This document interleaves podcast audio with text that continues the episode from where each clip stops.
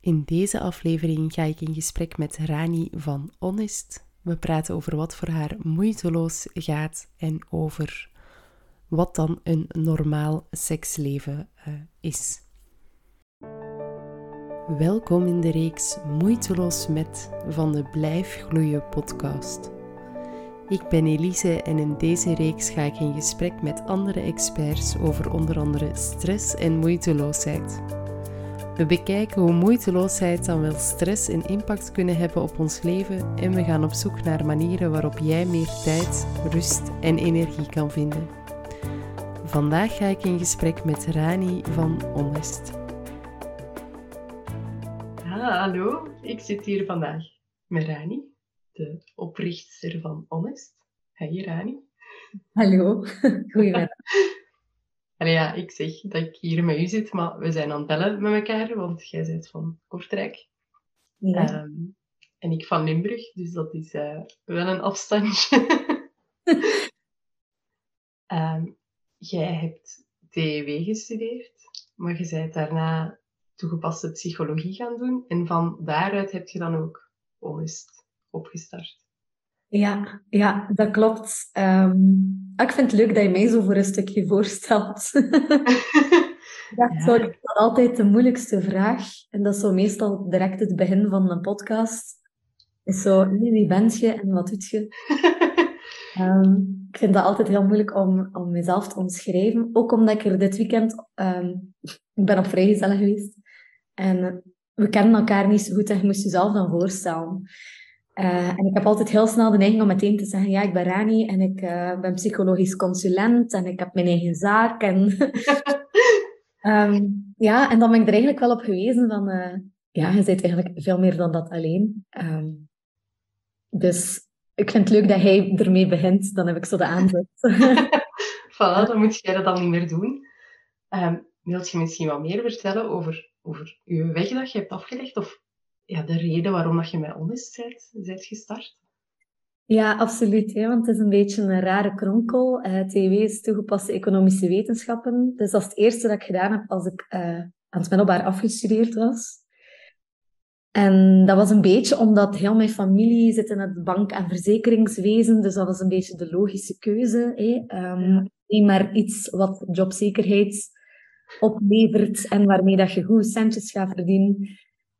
Terwijl ik toen al wel echt een heel grote passie had voor psychologie. Um, dus ik heb dat ook overwogen toen, maar ja, een beetje onder lichte druk van thuis. Um, maar ik heb die studies zeer vlot gedaan. Um, een beetje te vlot. Ik denk dat dat ook het probleem was, dat ik daar niet meer durfde switchen of zo. Maar uh, na mijn TW, ja, diploma, had ik eigenlijk zelf een heel moeilijke periode. ik heb wat moeilijke contact gehad met jongens. En ik heb ook wel wat nare seksuele ervaringen gehad. En ik vertel dat vrij direct nu. Dat is zeker niet altijd zo makkelijk geweest voor mm. mij om dat zo meteen te vertellen.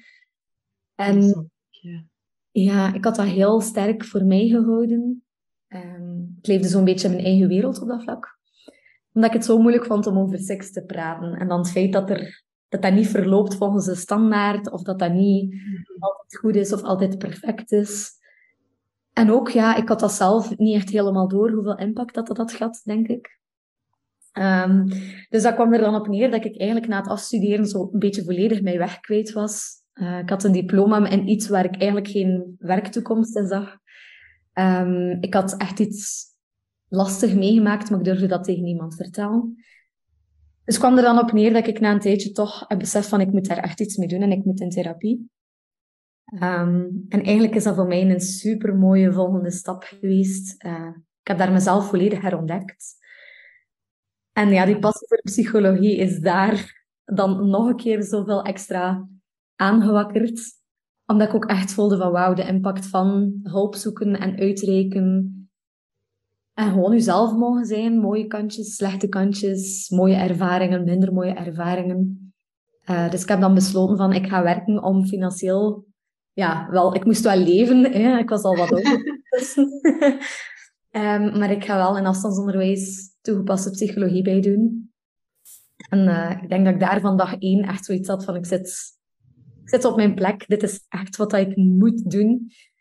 Uh, en doorheen mijn studies heb ik dan besloten om met dat seksueel verhaal wel iets te gaan doen. Als in, ik wil niet meer dat daar zo'n taboe rond bestaat. Um, ik wil dat er een veiligere plek is waar dat vrouwen echt ook over het mentaal stukje seks kunnen praten. Hey, want we babbelen heel veel over uh, ja, welk standje heb je gedaan en welke technieken. Hey, ook in artikels op internet of zo.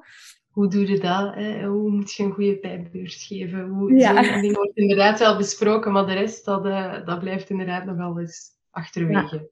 Ja, ja terwijl als je de technieken kent, maar je zit er met je hoofd niet bij of zo, uh, of je legt de lat super hoog, ja, dan kun je 20.000 technieken leren, maar ja, je gaat nooit echt genieten van seks en eigenlijk ook nooit echt volledig in die verbinding, denk ik.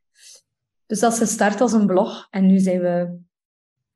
Uh, ik moet altijd rekenen, aan mij vier jaar later. Wow. Tijd vliegt. Ja, en nu zijn we vier jaar later en nu is dat eigenlijk een online platform met meer dan alleen blogs, maar ook met cursussen en een hele sociale media daar rond. En heb ik toch al wel ja, een tientallen vrouwen mogen begeleiden rond dat mentaal stukje uh, in seksualiteit. Zo mooi ook dat je dat kunt doen en dat je dat kunt doen ook vanuit ja, een niet zo fijne ervaringen en dat je dat dan toch hebt kunnen ombuigen naar ja, een heel schoon nieuw verhaal eigenlijk. Voor ja.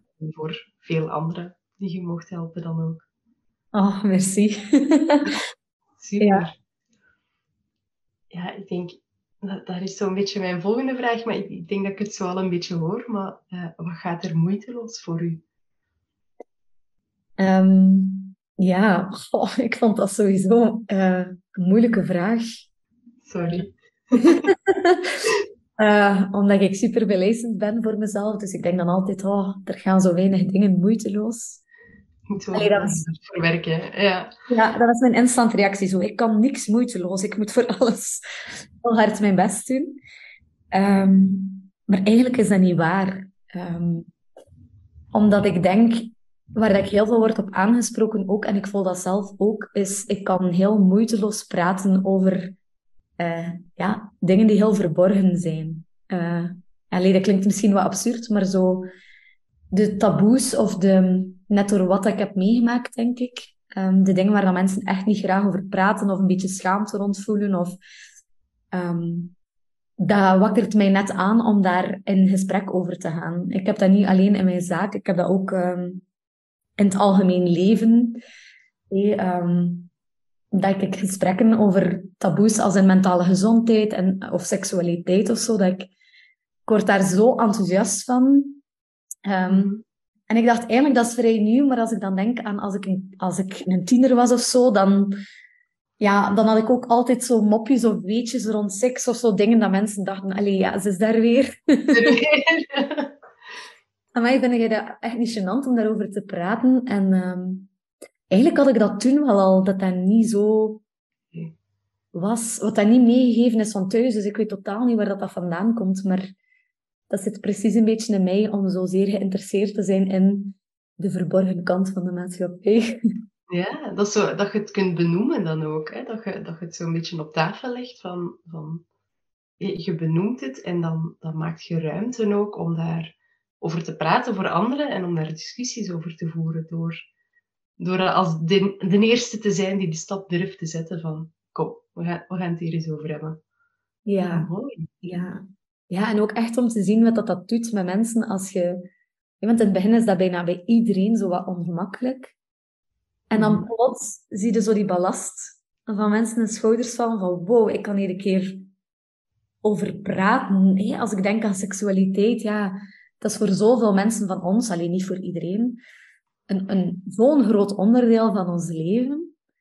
Mm en dat we daar dan zo weinig over in gesprek gaan, op een, op een echte manier, hè? niet op... op uh, maar ik heb gisteren echt alle kanten van de kamer gezien.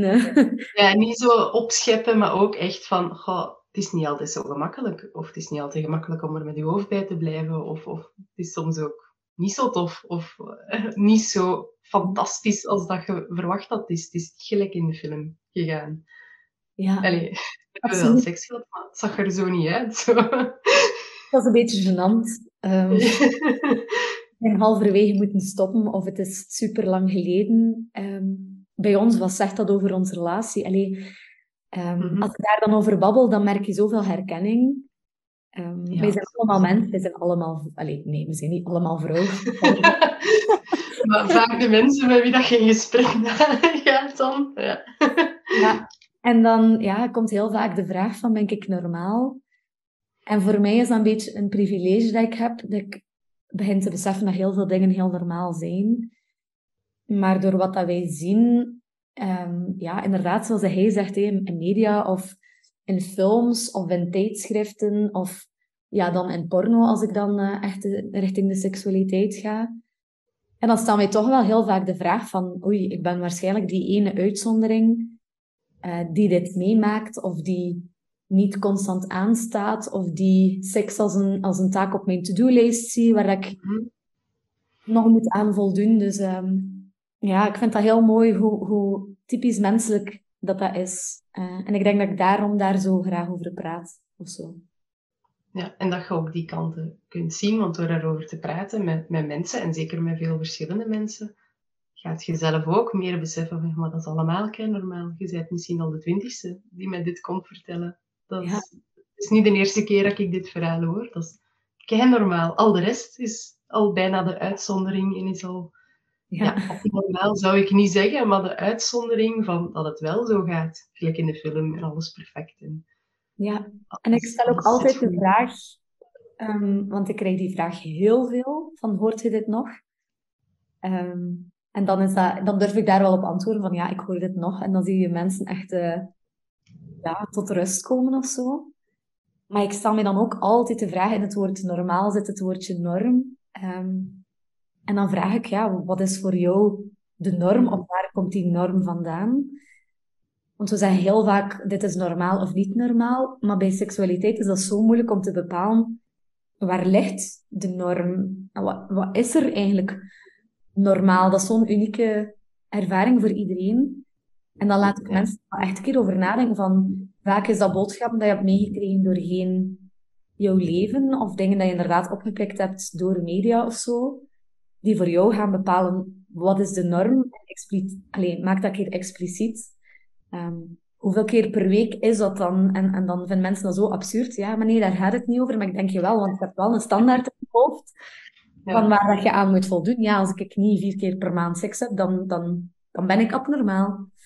Ja. Als ik niet elke keer klaarkom, dan ben ik abnormaal. Ehm, En dat komt ergens vandaan, van andere mensen die bepaald hebben wat dat, dat dan is, normaal. En dat dat vier keer moet zijn en, en geen, geen vijftig en ook geen twee. Of... ja, inderdaad, exact. Allee, ik weet niet of dat, dat herkenbaar is, hè, maar... Ja, ja, ja, zeker wel, denk ik. Ik, ik, heb, ik heb een aantal vriendinnen waarmee ik daar ook heel open over kan praten. Maar ik merk dat dat ja, een minderheid is toch. De meeste mensen zijn het toch zo de, de hihi en pocherige verhalen dat je zo wel eens vertelt. Maar zo het echte verhaal van, "God, het is toch niet altijd zo simpel of zo. Of het is alweer lang geleden. Dat vertelde aan een heel beperkt clubje. Allee, voor mezelf merk ik dat al. Dat zijn verhalen die je, die je niet standaard vertelt, dat ja, jammer is soms ergens. Want er zullen nog inderdaad wel mensen zijn die, die met dezelfde de- zaken worstelen. En dan wordt, daar, ja, dan wordt daar niks over gezegd en blijven die het gevoel hebben van ja, dat ga ik niet vertellen, hè, want dan gaan ze over mij denken. Allee, wat gaan ze dan wel niet over mij denken? Ja, ja, gigantisch die blik van de ander ook op dat moment. En, en allee, we vinden het soms zo fijn om uniek te zijn. En, en in seksualiteit willen we altijd precies in de lijn lopen. eh, of niet te uitzonderlijk zijn.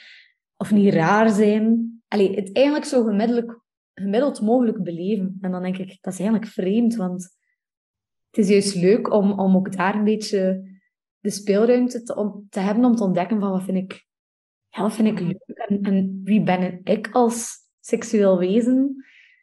Los van wat hoort, maar ik merk dat dat heel veel moeite vergt om daar vaak los van te komen. Hè? Van, er wordt zo voorgeschreven voor ons wat wij willen en horen en leuk moeten vinden.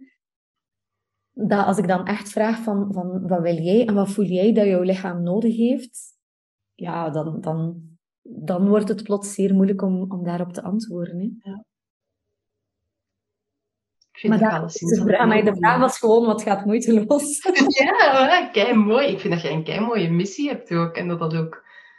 Ja, je merkt het, hè. het gaat je goed af om daar, daarover te beginnen babbelen ook gewoon en dat uit te spreken. Dus uh, ik denk dat dat zeker uh, het antwoord was op de vraag, wat gaat er moeiteloos van u? Dat je dat ook ineens uh, gedemonstreerd hebt. Heel erg bedankt om naar deze aflevering te luisteren.